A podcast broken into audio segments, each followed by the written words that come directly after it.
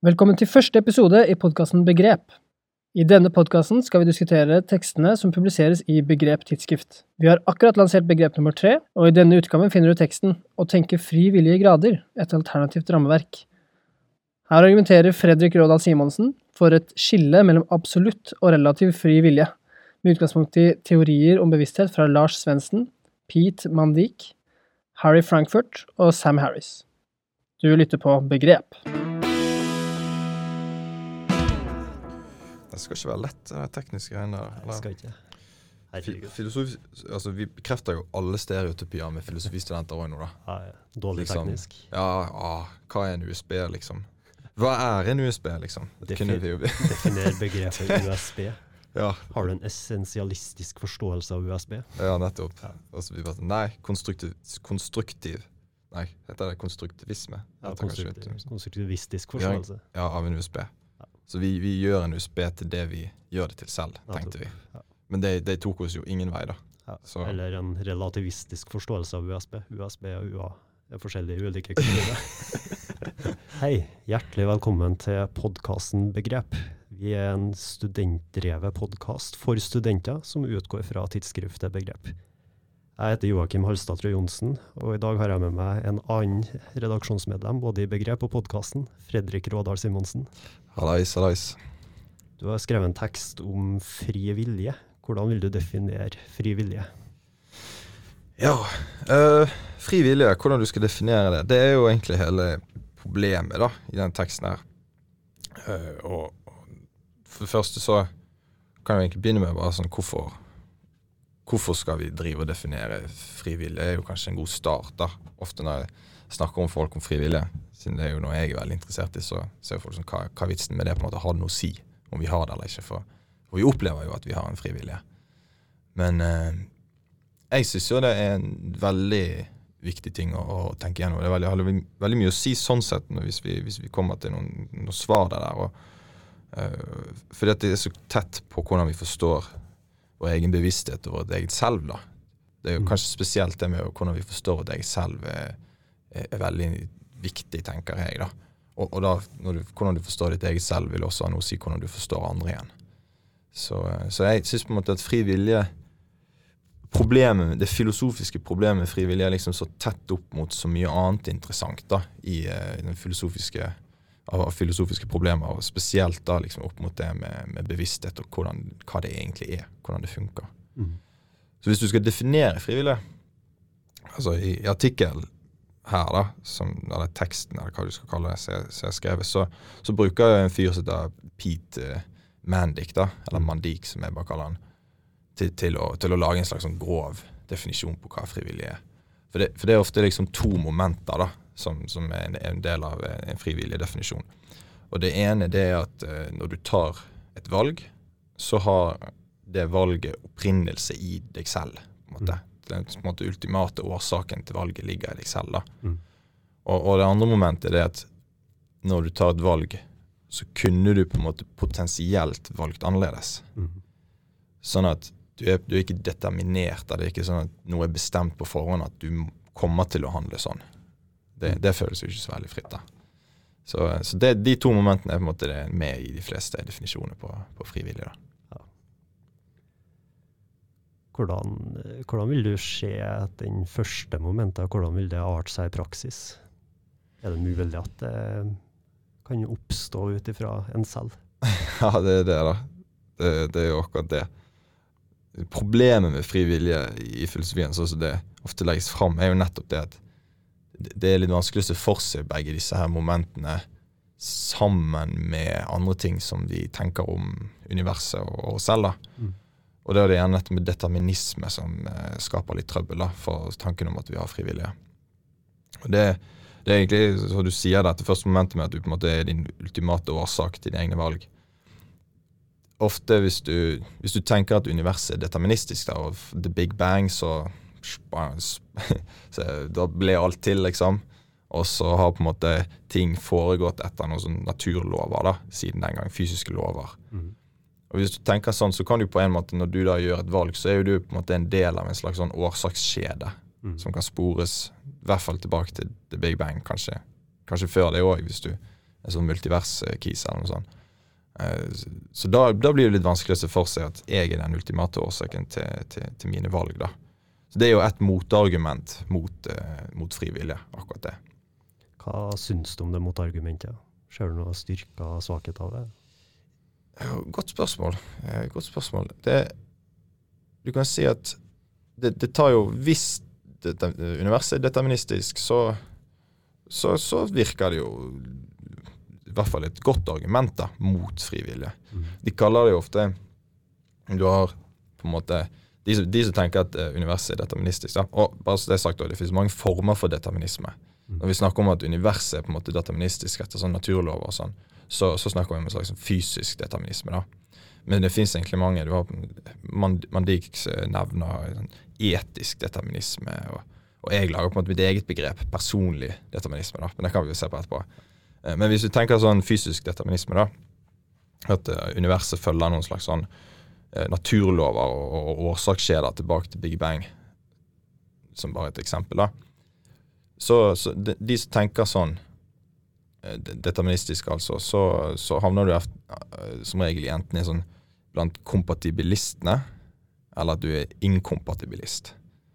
Så kompatibilismen, de tenker at ja, universet er deterministisk, men ja, vi er også frivillige. Mens inkompatibilismen sier det at ja, universet er deterministisk, men nei, derfor kan ikke vi ha frivillige. Så, så det kan vi se litt på, for jeg tar jo opp én eh, som han mener han har argumenter for frivillige eh, innenfor kompatibilisme, da, innenfor et deterministisk univers. Det er han eh, Harry Frankfurt. da. Eh, men det som på en måte er litt sånn mitt poeng i denne oppgaven, nå, er jo det at når, vi snakker om frivillige, så er det veldig lett å snakke om forskjellige ting forskjellige konsepter. Så selv om du har disse definisjonene på frivillige, så, så jeg vil jo på en måte få fram det at når uh, han Harry Frankfurt Jeg har jo to filosofer jeg tar, tar særlig for meg da, i den teksten, og det er jo Harry Frankfurt og, og Sam Harris. Og de har henholdsvis et argument for frivillige og et argument mot frivillige. Men det jeg har lyst til å få litt fram her, det er at i utgangspunktet, så, slik som jeg leser det i hvert fall, så legger de forskjellig konseptuell forståelse i hva frivillig er. Så hvis du på en måte skulle sette de to opp mot hverandre, ut fra hva de argumenterer for eller frivillige, så snakker de egentlig om, om, forskjellige ting, selv om de bruker samme begrep. Jeg hadde litt lyst til å utforske den at de snakker om forskjellige ting med samme begrep. Så skal ja, vi, ikke sant. Vi kan jo begynne med Vent litt, men svarte jeg på spørsmålet? Hva var, hva var spørsmålet igjen? Jo, det var dette om jeg syns det. Eh, hvis, jeg, jeg, er litt usikker på universet deterministisk. da, og det er Svendsen, som jeg også refererer til i, i, i teksten, mener jo, og, og, stiller seg også på en måte nøytralt til problemet med frivillige, fordi at vi har, han mener at det, det ikke er åpenbart at universet er deterministisk per, per det vi vet i dag. da, så, så jeg stiller meg litt nøytralt til, til akkurat det argumentet, jeg òg. Ja gjør det. Interessant. Skal vi gå litt videre og redegjøre for standpunktene til Frankfurter og, Frankfurt og Harris? Ja, det kan Så vi gjøre. Så kan vi begynne med det kompatibilistiske argumentet til Harris. da. Ja, til Frankfurt. Nei, Frankfurt, ja. ja. det går litt i surr. Ja, de der kompatibilisme og inkompatibilisme, det går, det går helt i surr. Vi tar den på nytt. Hva tenker du om det kompatibilistiske argumentet til Frankfurt? Hva ligger i det? Du, det, det, er ikke så dumt, det. her. Han, eh, Frankfurt tar opp en del interessante ting, i hvert fall. Han skrev en artikkel for lenge siden, jeg husker ikke om det var 70- eller 80-tallet. Men, eh, men, men, han skriver egentlig en, en eh, filosofisk artikkel om hva det er å være en person, i utgangspunktet. Og, og, men i det så prøver han å finne fram at en, med, Han kommer innom dette med frivillig da, i det, når han undersøker hva en person er. Mm. Så, så, det han basically sier, det er det at hvis du har eh, Eller muligheten til å ha andreordens preferanser, det muliggjør frivillig, da. Mm. Så, og hva er andreordens preferanser? Det er på en måte at hvis du har en preferanse om en preferanse, et mm. ønske om et ønske, på en mm. måte, eh, da Den muligheten til å ha sånt er på en måte det som ligger til rette for, for frivillige. Men men det å ha den muligheten betyr ikke at du har frivillige heller. Det, så, så litt diffust det her, men det er kanskje enklest å forklare det med, med et eksempel, da, sånn som jeg tolker det. For jeg, jeg, jeg lagde jo et eh, eget eksempel i, i, den teksten som er direkte inspirert av Frankfurt sitt eget eksempel. da. Hvor på en måte eh, får fram dette med andreordens preferanser og sånn, for det kan jo gå litt i surr. Mm. Og, og da ser jeg på en måte for meg at du har tre, tre dudes. da. Du har eh, tre alkoholikere. Og Jeg husker ikke, jeg, kalte de Per, Pål og Espen, tror jeg, men jeg husker ikke hvem som var hvem i teksten. Men jeg bare, jeg bare bruker de nå litt eh, sånn som jeg husker det. da. Så si at han første, da. Du har Per. Per er alkoholiker, eh, og han er på Rema 1000. Og så står han foran eh, øldisken, eller hva du skal kalle det, der de har øl i på Rema 1000. Og så tenker han 'Å, nå har jeg lyst på en øl'. Og så kjøper han øl. Og så går han hjem og, og drikker, holdt på å si, uten å tenke noe mer over det. på en måte. Da, da ser vi at han har en slags sånn førsteordenspreferanse, en slags vilje da, mot å, mot å drikke. Men han reflekterer ikke noe mer over det. Og så bare gjør, drikker han, da. Ifølge Frankfurt så er egentlig ikke eh, en kar som Per å regne som en person engang. Hvorfor ikke? Hva, Nei, hva legger han til grunn for det? Det er jo nettopp det at du, du må på en måte ha den evnen til å reflektere over dine egne preferanser og valg, på en måte. Eh, Sånn som jeg tolker Frankfurt. da, At det ligger liksom litt til grunne for det å være en person. Så han kaller så, sånne som Per, for å putte de i en kategori, da, kaller han som wantons, eller et eller annet sånt. Så nei, det, jeg har ikke gått så mye dypt inn i på akkurat, eh, akkurat det der med wantons og sånn. Men jeg syns det er litt gøy, da. Han bare, da er du ikke en person, liksom. Men, eh, men det er nå så. Men si at du har en annen fyr, da. Og han kaller vi Pål. Han er i samme situasjon, han er også alkoholiker. Han står på Rema 1000, og så får han lyst på øl. Og, så han har også en lyst, eller et ønske, da, så trekker han mot å drikke. Men si at han da likevel har et ønske om å ikke ha det ønsket. Fordi at han er jo alkoholiker, og kanskje det er liksom han er lei av at alkohol styrer livet hans og begynner å få litt problemer med det. og ja. Så, så da har han en andreordens preferanse, ifølge Frankfurt. da. Han har en preferanse om den første preferansen. på en måte, Et ønske om et ønske. Da, da muliggjør du frivillige, Mm. ifølge Frankfurt. Men si at Pål ikke klarer å på en måte gjøre sin andreordens preferanse til sin førsteordens preferanse. Han, han kjøper alkohol likevel Mm. og, og, og drikker det. Da har du ikke fri vilje, ifølge Frankfurt, som et sånt eksempel. Hvis du ikke klarer å på en måte skape en slags harmoni mellom dine førsteordens og andreordens preferanser. Så, så da tar du opp det tredje eksempelet, da, som, er, som vi kan kalle Espen. og igjen, også alkoholiker. Står på Rema 1000, står foran øldisken, holdt på si, og får lyst på, på, på øl. Men han har også, som Pål, et ønske om å ikke ønske å drikke. Og Espen han klarer å ikke kjøpe alkohol, ikke drikke.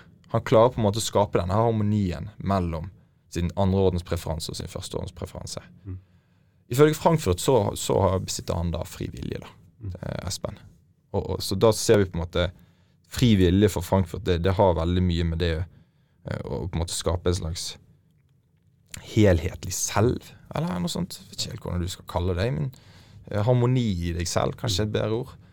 Ja, det er mulig. Det er sånn som jeg fortolker, så er jo delt mellom Hvis du har på en måte et lavere selv, da, som er styrt ut ifra Ja. første, førsteårens som går på instinkter, drifter, viljer, Mm. så har du jo et, ja, et høyere selv, da, som går på andreordens preferanser, som gjerne har den abstraksjonsevnen, refleksjonen, viljen til å, nei, evnen til å tenke kritisk og ta valg. Da. Ja, nettopp. nettopp. Så jeg tror det er en ganske grei konseptuell forståelse for å forstå hele komplekset til Frankfurt. Ja, Kult at du tar det med høyere og lavere celler. For det er jo det jeg bruker i, teksten for å prøve å få fram hva som egentlig skjer her, på en måte. Mm -hmm. uh, men kanskje for å få fram Nei, Kanskje vi kan, kan, bare forklare det sånn som jeg ser det, for jeg er helt enig med deg. at Mm. Si at du har med tilfelle, da, som står der og har lyst på øl, men han har lyst på og ikke har lyst på øl. på en måte. Det er jo en litt rar ting. Han har, han har på en måte lyst til to ting på en gang, som er i direkte konflikt med hverandre. Mm.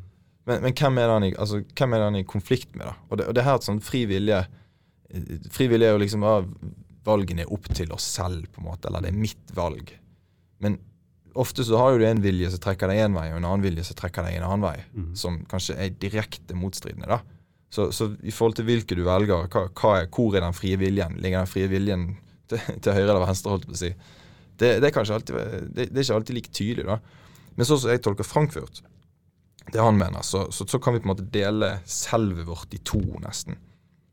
Og vi kan se for oss at den høyere delen, sånn som du sa, da, det er der vi besitter evnen til å rasjonalisere, tenke fornuftig, gjøre eh, langtidsvurderinger osv. osv. På en måte vår bevisste del. da, i og Når vi snakker om hva som er bevisst og ikke, det er jo et, si, en, en sump av filosofiske definisjoner der òg. Nå bruker jeg det litt sånn i, i bare litt sånn grov forstand. Håper, det, håper jeg er tilgitt for det. Uh, mens den lavere del, det blir på en måte vår, med vår Sånn, sånn som du snakker om, litt mer enklere impulser. rett og slett. Vi har jo instinkter, vi òg. Vi har sånn enkle lyster og eh, viljer mot veldig mye forskjellig. da. Så, så det er på en måte å ha, det jeg ser for meg at når Pål står der og er i konflikt, så er han på en måte i konflikt med seg selv, men da er det hans høyere selv som er i konflikt med hans lavere selv.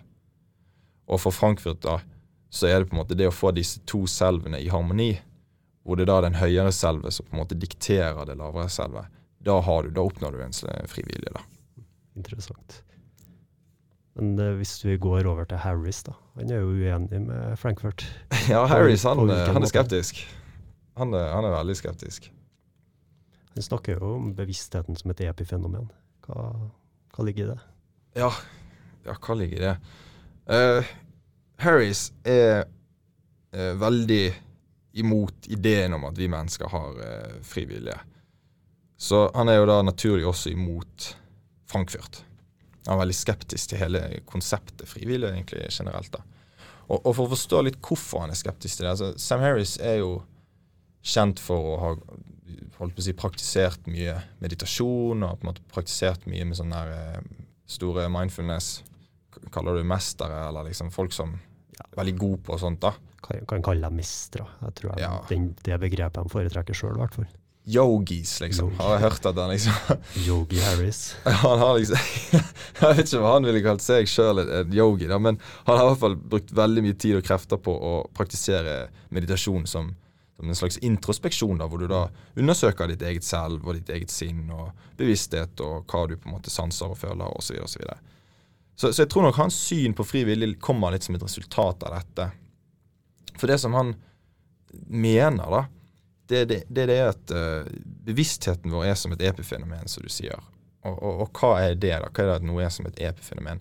Jeg syns egentlig den enkleste måten å, å, forklare det på er en fyr som het uh, Thomas Huxley, som skrev faktisk om at sinnet var som et EMP-fenomen på Oi sann, skal vi se, jeg skal holde meg unna den plastposen. Jeg tror det var på 1700-tallet. Ja, eller 1800-tallet. Jeg tror det var, husker ikke på stående fot, men jeg tror det var 1700-tallet. Ja, det er jo crazy lenge siden, da. Men da tenkte han også, som Harris, at eh, nei, bevisstheten må eh, I hvert fall sånn som jeg forsto han, at bevisstheten er som et epifenomen. Og da, da lagde han en slags analogi på det. at Når noe er som et epofenomen, så er det på en måte som at du har et kausalt forhold mellom noe. Et årsaksforhold mellom noe, men hvor det kausale forholdet kun går én vei. Mm -hmm. Så da tar han opp dette med at bevisstheten er som dampfløyten på et lokomotiv. Mm. For dampfløyten er jo årsaksforbindet, eller kausalt forbundet, da, med dampmotoren, hvis du kaller det motor. Ja, vi, kan si det. Ja, vi kaller det dampmotor i dag. Vi, er dessverre ikke ingeniører. Er dampmotoren, da, så når dampmotoren blir varm, eller eh, gud vet, jeg vet faktisk ikke helt hvordan en damp, eh, damptog funker, men da utløser det i hvert fall dampfløyten. Mm. Men det er ikke sånn at når dampfløyten blåser, så skjer det noe igjen tilbake på motoren. på en måte. Så dampfløyten har ikke noe kausal innvirkning tilbake på motoren. Og sånn mener Huxley og Harris at vi kan forstå bevisstheten. At bevisstheten er på en måte som en prosjeksjon av noe annet. Mm. Og hva, hva, er det andre, da? Det, det, kan jo være mange forskjellige ting. da. Eh, det er jo veldig populært f.eks. å tenke at vi er jo i hjernen vår så har vi masse nevroner som fyrer i tusen millioner forskjellige retninger, og at bevisstheten vår oppstår på en måte som et resultat av de nevronene. da. Men på en måte da så er det ikke sånn at bevisstheten igjen kan påvirke nevronene bevisstheten er bare det som skjer i de, de nevronene. på en måte. Så det kausale forholdet går på en måte én vei. Og, og, det blir på en måte, som, som jeg skriver i artikkelen, det blir på en måte å gå fra å tenke fra bevisstheten vår Og igjen, da, hva, hva, mener du når du snakker om bevisstheten vår? Det, det er jo liksom litt vanskelig å si. Men vi har jo alle på en måte en idé om at eh, det er en viss del av meg. Når jeg har en bevisst oppmerksomhet med noe, så styrer jeg ting. på en måte. Jeg tar valg hele tiden. Jeg, nå, nå nå snakker jeg, på en måte, og det er der bevisstheten min er rettet. Og jeg føler, jeg, jeg føler at jeg styrer det. Mm. Men ifølge Harris og, og, og Huxley da, så, så, er det på en måte den bevisstheten min. Det er ikke som en slags kontrollstasjon over resten av meg, selv om det kan føles sånn. men det er heller som en slags prosjeksjon av noe annet som skjer inni meg. da. Og, og hva det inni meg er, det, det er nok folk veldig uenig i, selv om man kan være enig i at bevisstheten er som et epifenomen. Men på hvilken måte er de uenig? Kan du si noe om det? Ja, nei, jeg er ikke helt sikker på hvordan Harry stiller seg i forhold til f.eks. Huxley eller andre på, på det feltet. Eller? Det, det er faktisk ikke helt. Men jeg, jeg ser, det som Harris er veldig opptatt av Han sier ikke direkte det at bevisstheten vår er som et slags epifenomen av noe fysisk i hjernen vår nødvendigvis. I hvert fall ikke sånn jeg har lest den. da. Men han har heller mye mer vekt på at bevisstheten vår er som et epifenomen av noe ubevisst i oss. Så ok, hva betyr det? da? Jo, men vi har jo enormt mange ubevisste prosesser som skjer i oss, hjernen vår hele tiden, holdt på å si.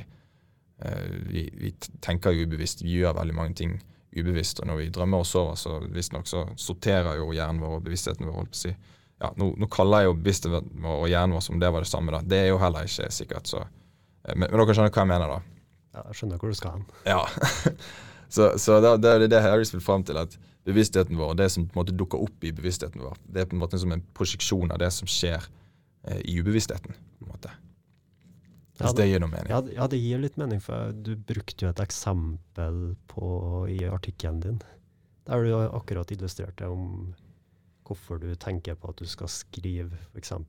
alligator, Ja, eller ikke. ja, ja, ja stemmer det. Kan du utdype litt om det? Ja, det, jeg syns jo det var litt gøy, da. For, eh, for jeg på en måte prøvde jo å ta utfordringen til Harris på strak arm. For han, han sier jo liksom Vår opplevelse av frivillig er en illusjon, som han sier. da. Og, og det er bare å teste det, sier han. Og, så, så hele hans argument er på en måte lent veldig på det er jo introspeksjon. Og bare sånn sjekke ut deg selv. Hvis du tar et fritt valg nå, hvor, hvor kom det fra? liksom? Og det anbefaler jeg egentlig alle å, å teste ut, liksom. Og, så jeg gjorde det i artikkelen bare sånn OK, nå skal jeg skrive et valgfritt dyr. Så jeg bare sånn OK, kenguru. Men ok, hvorfor skrev jeg kenguru? Hvor kom det fra, på en måte? Ja, det kom jo fra meg. Men det kom på en måte ikke fra den bevisste delen av meg som jeg føler kontrollerer og som styrer hele tiden. Det kom fra et eller annet sted. Men dette andre stedet er på en måte ikke noe som meg da Det er jo meg, men det er kanskje ikke det jeg til vanligvis identifiserer direkte som meg til daglig. Mm. Hvis du skjønner hva jeg mener? Ja, tru, tror jeg skjønner hvor du skal hen. Ja, det, det blir jo fort litt diffust der, og det er derfor jeg prøvde å lage disse distinksjonene i selve. Fordi at det, det, det blir liksom Det kommer fra meg, men det kommer ikke fra meg. Mm. det, er på en måte, det er veldig fort sånn når det, jeg prøver å forklare hva Sam Harris mener med, med frivillig. da. Uh, men anyway, så er det liksom sånn okay, Hvorfor skrev jeg kenguru? Jeg, jeg kunne jo valgt noe annet. sant? Ja, Jeg var jo på en måte, Det det var ikke noe som Jeg følte i hvert fall ingenting tvang meg til å skrive kenguru. Jeg kunne skrevet alligator, som du sa, f.eks. Men, men jeg hadde på en måte ikke lyst til det. Jeg hadde lyst til å skrive kenguru. Så da kan du tenke sånn, ok, men hvis det var det jeg hadde lyst til, hadde jeg da frivillige? Eh, ja, kanskje. Men jeg har på en måte ikke valgt hva jeg har lyst til. nei. Og det her er på en måte setter opp den her, eh, det jeg kaller en slags sånn vilje-handlingsrekke, da, for å prøve å illustrere det her. Det er mm, sånn som jeg får det på litt grovt, da. Og de, denne rekken jeg, er- kan være ganske problematisk i noen tilfeller, tror jeg. Så, så veldig, opp, veldig åpen for å høre kritikk og, og innspill på den, egentlig. Men at eh, det er på en måte når vi gjør et valg da, som ender opp i en handling, så er det en slags en sånn rekke hvor vi har en slags form for tanke. Og da mener jeg tanke i ordets aller videste forstand. En tanke som går til en vilje, og en vilje regnes som nettopp det som binder det mentale med våre fysiske handlinger. da. Mm. Og, og så Vi går fra en tanke til en vilje til at vi tar et valg. Hvor valget så lener i at vi gjør en viss handling. da. Men, men det som Harris på en måte ville fram til her, er jo det at når vi da har gjort et valg, så ligger det en vilje foran det valget som vi ikke har valgt. Og det er på en måte kritikken ofte mot, mot Frankfurt da. At ja, det er fint alt dette her med at vi har andreordens preferanser, og at det, det, det gir oss jo på en måte en viss stel, selvstyring som kjennetegner oss mennesker, og som skiller oss veldig fra, fra andre dyr som, som er mer, handler mer instinktivt igjen. sant? Men, men, eh, men det betyr jo ikke at vi har valgt de andreordenspreferansene, f.eks. Mm. Har vi noen tredjeordenspreferanser, da? Ja, det kan være, men hvem har valgt de, da? Da har vi noen fjerdeordenspreferanser, og så, så har du en sånn der infinite eh, regress eh, gående, da. Ja, det er jo ganske Ja, alt blir jo til syvende og sist redusert til viljen. Ja, Det er det som er riktig. problemet med det argumentet og den regressen. da. riktig. Sånn, uansett om du har en andreordens preferanse, så faller du alltid tilbake til førsteorden. Mm, mm. Det er en ganske interessant tanke. Fins det noen andre kritikker mot Harris og hans argument? Uh, ja, vent litt. Men det var noe du sa der som var litt interessant. Så bare tenkte å prøve Du sa dette med at alle faller til uh, førsteårens viljer. Ja, Ja, ja for, det, for det er på en måte sånn at det er jo, det er jo mange ting i oss som vi vil, men som vi på en måte, en, en måte ikke har valgt selv. Altså, vi liker jo filosofi. Ja. Men men har vi valgt det, liksom? Eh, Ja, på en måte, men det, ok, hvorfor liker ikke vi noe annet, liksom? Hvorfor liker ikke vi matematikk, på en måte? Det, nei, det er jo bare sånn vi er, da, på en måte. Så det er jo på en måte ikke et fritt valg, det er på en måte bare sånn vi er, er blitt, på en måte. Eh, og, og så Vi besitter jo masse av det her. Kanskje noen liker gudene vet hva, noe på TV framfor noe annet på TV. liksom. Og, og, så, så det er ikke så unaturlig for oss at det er veldig mye av oss som vi ikke har bestemt. på en måte. Så, så en slags sånn absolutt fri vilje er jo egentlig utenkelig uansett. da. Mm. Eh, men ja, jo, altså i forhold til Sam Harris, da, det er jo eh, første kritikken er vel kanskje nettopp det at det, Hvis du tenker deg sånn Hva var det jeg tok fram da? Eh, Og, det å se for seg at bevisstheten har et slags kausalt forhold på resten av oss, da, holdt jeg på å si. Det, det jo an, det er ikke så vanskelig å tenke seg det, for det, kanskje det er litt sånn at jeg bruker jo eksempelet med pusten. da. Vi puster jo ubevisst nesten hele tiden uten at vi tenker over det. Men nå når, vi, nå når jeg sa vi puster, så bare plutselig er du sånn Oi, puster jeg? Ja, riktig. Ja, det skjedde faktisk. jeg begynte faktisk å bli veldig bevisst på pusten min. Så ja. Og, puste dypt. har jeg fri vilje, da? Mm. Ja, men det er akkurat det. sant? Kan du, men du kan jo kontrollere pusten din nå. Ja, nå kan jeg. Ja, For nå er du bevisst det. Mm. Nå har du oppmerksomheten innrettet på det. Så kanskje det tenkes liksom at ok, selv om det er veldig mye vi gjør så ubevisst, at vi, vi kan jo rette bevisstheten mot ting, og kanskje vi da nettopp eh, oppnår en eller annen form for selvstyring. da, En slags form for fri, frivillige form av det. Men eh, ja, Harris er jo skeptisk til det, da. For han mener liksom Hva var det som gjorde at du plutselig fikk lyst til å fokusere på pusten? liksom? Hva, han mener at det alltid ligger en, en vilje forut der som vi ikke har valgt. da. Så han, eh, så han er jo skeptisk til de argumentene her uansett. Interessant. Ja, nei, jeg vil vel si akkurat i dette tilfellet for min egen del, så var det eksternt press.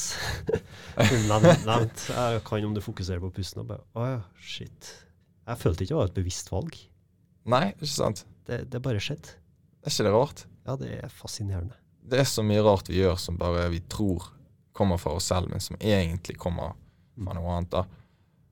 Og veldig interessant for de som har lyst til å forfølge det her litt. Du har jo han her karen uh, Yuval Noah Harari.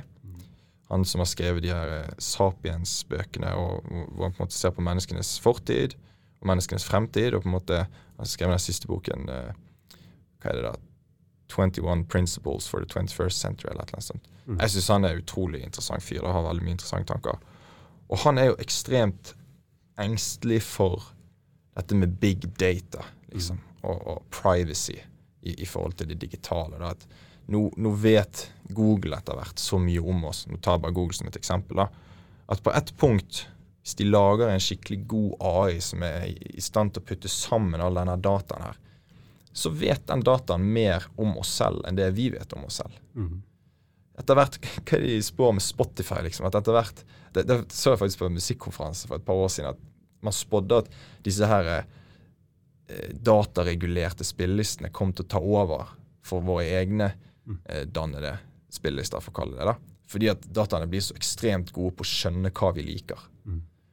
Og det, det er litt sånn freaky å tenke på at plutselig så vet Google mer enn meg hva jeg egentlig har lyst til å spise til middag, liksom. Det er litt interessant. Jeg husker jeg hørte en historie. Det går langt bort fra musikken, men det var Walmart sine algoritmer kan spore opp om noen er gravid eller ikke, og gjøre en prediksjon oh, på det ut ifra hvilke produkter de ser på. Oh, Så damn. det hadde skjedd i et tilfelle der hun Det var en dame som hadde Som ikke visste at hun var gravid. Ikke på det stadiet, men hun, hun Hun visste ikke det selv engang. Nei, Å, hun hadde vel testa seg, men hun hadde tydeligvis sjekka ut ulike ting. da. Kanskje hadde mistanke og sett på produkter på Walmart og fått spesialisert reklame i posten. og Foreldrene hadde vel funnet ut av det, så viste hun seg at hun faktisk var gravid. Ah, det er crazy. ass. Tenk om fort, nei, fremtiden blir sånn, da. Bare, ja, fordi På en måte så kan jo sånne ting brukes veldig nyttig. Mm. Tenk at noe sånn Nei, Fredrik, du har en sjelden sykdom, du, er noe som vi må behandle i morgen, liksom.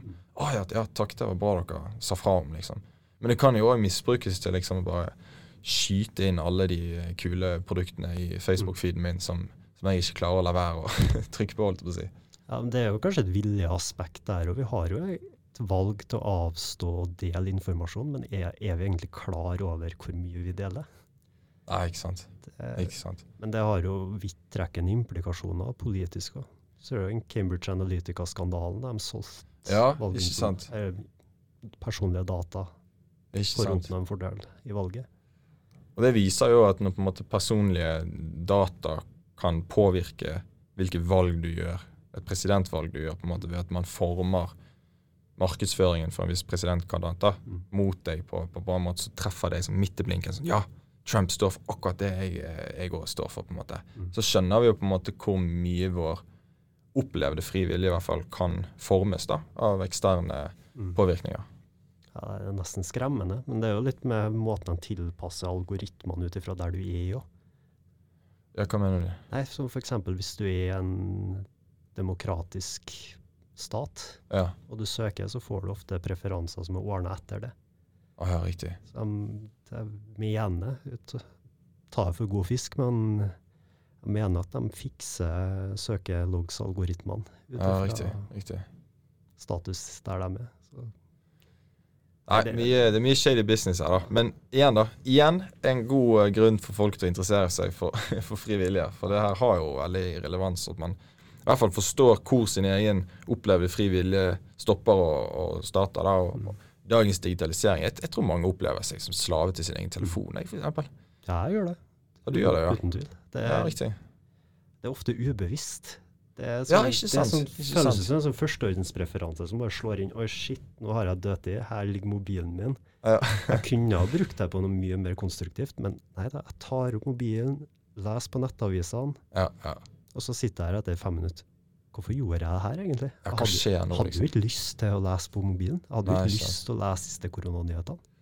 Og det er jo på en måte over i nettopp sånn vaner, da, at du bare gjør ubevisste valg hele tiden, som Mm. kanskje egentlig Igjen da, så Det var egentlig godt som du sa, at du har en slags førsteordenspreferanse. Men det er ikke sikkert at den harmoniserer med den andreordenspreferansen. da. Men da kan vi jo si at ok, hvis du hadde hatt, vært bevisst hadde vært oppmerksom på at du handlet og tok opp telefonen, så kunne din andreordenspreferanse om at hvor du har et ønske om å ikke eh, Du har et ønske om å ikke ønske å, å se på telefonen, på en måte, fordi at du har lyst til å bruke tiden din på jeg vet ikke, se på andre ting Ja. så, eh, så kan du jo på en måte se at, det, at du har en slags frivillig likevel. da. Men, Ja, eh, men jeg tror nok det er mange som, eh, som har på en måte ønsker om ting de, de, de vil, eller men, men det er også OK, nå- hvor mye tid har vi egentlig? Jeg vet ikke. Snakker vi oss bort nå? Men det var så interessant der. da. For, for jeg, jeg, jeg, jeg hørte jo nylig dette med å bygge opp et, et sterkt selv. da. Jeg leser en fyr som heter Aksel Honnet. Ja. Han, er- og det er jo en helt annen greie igjen. Han snakker om tingliggjøring og sånne ting.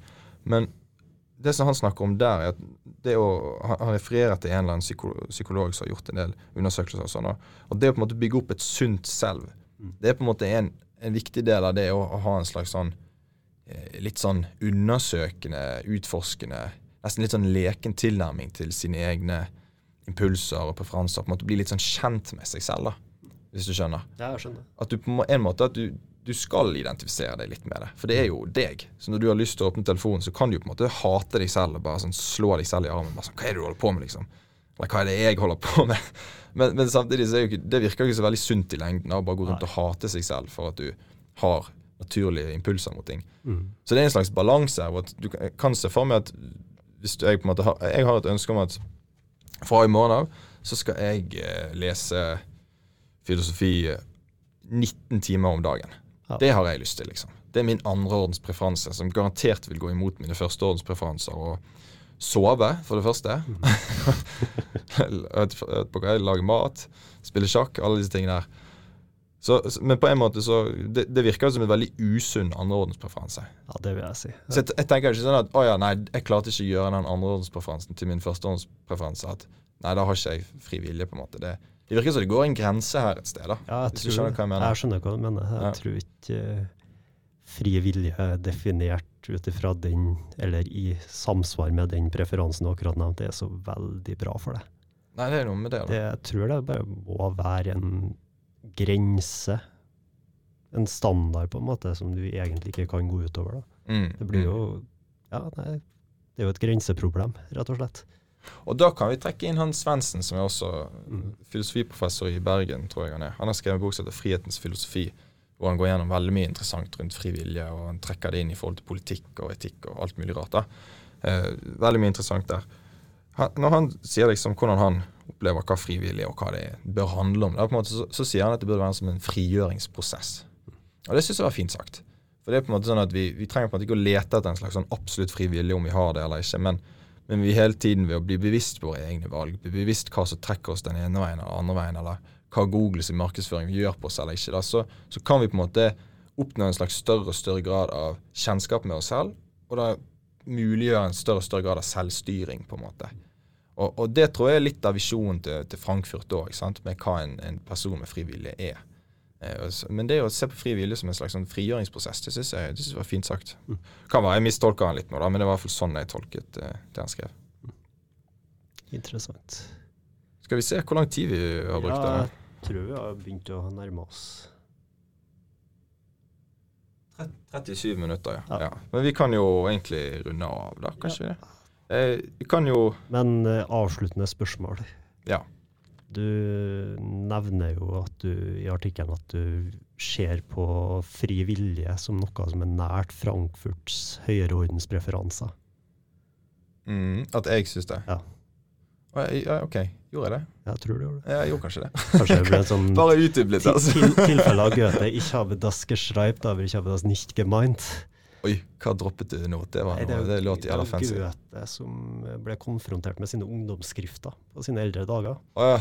Og så fikk han spørsmål om han var enig om det. og Han hadde jo tydeligvis ikke huska at han hadde skrevet. Så sa Ikke han sant. Ich habe das geschreibt, aber ich habe das nicht gemeint. Så Det jeg har skrevet, men jeg mener ikke det fortsatt, da. Nei, ikke sant. Nei, men jeg synes jeg er enig med Gutte, jeg. Det skal ikke holdes uh, mot en. Hva man, på en måte. Nei, Eller jo, du må jo på en måte holde deg ansvarlig for det, men det må jo være lov å endre meningene sine, da. ja, uten tvil. Men eh, hvordan tolket du det jeg eh, skrev, sa du? At eh, Ja, sånn som jeg ser på det, så er på en måte den basisen for å kunne reflektere, vil jo på en måte gå litt utover sine biologiske drifter, og at i det ligger det en mulighet til å styre det du vil gjøre. Ja, riktig. Ja, nå tror jeg jeg skjønner hvor du vil hen. Ja. Ja, for det er på en måte avslutningen i, i teksten min, og jeg prøver på en måte å, å gjøre det jeg innledet med, og, og si det at jeg har på en måte lyst til å se hvordan det Frankfurt sier og Harry sier, på en måte kan være forenlig. For, for, for det som Frankfurt på en måte snakker om, det er jo at man nettopp ved hjelp av høyere selve, så, så har man en viss grad av selvstyring som kjennetegner personer, da, kjennetegner mennesker generelt, liksom. Og Harris er jo ikke uenig i det. Men så er det litt spørsmålet skal vi kalle det fri vilje eller ikke. Der er de uenige. Frankfurt, sånn som jeg tolker ja, Frankfurt, liksom, ja, det, dette er fri på en måte. Mens for Harris så mener de at nei, men disse valgene vi da tar, eller denne selvstyringen, vil alltid på en måte være bundet til årsaker som vi ikke opplever at de har valgt selv, som ting i ubevisstheten vår, eller whatever, da. Så, så det er liksom litt sånn konklusjonen min her, at eh, de, de snakker rett og slett om forskjellige ting, da.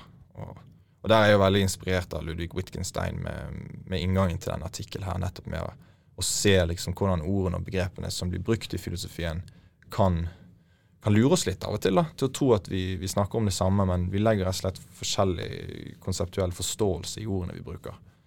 Så, så det er litt sånn at veien jeg ser videre med, med frivillig, at det å, å Hvis du skal Neste nachspiel, da, når noen diskuterer ah, vi har frivillige, nei, vi har ikke frivillige. Neste, neste nachspiel, og en tar den debatten der, så er det sånn OK, men hva mener du når du sier frivillige? Hva legger du i det, liksom?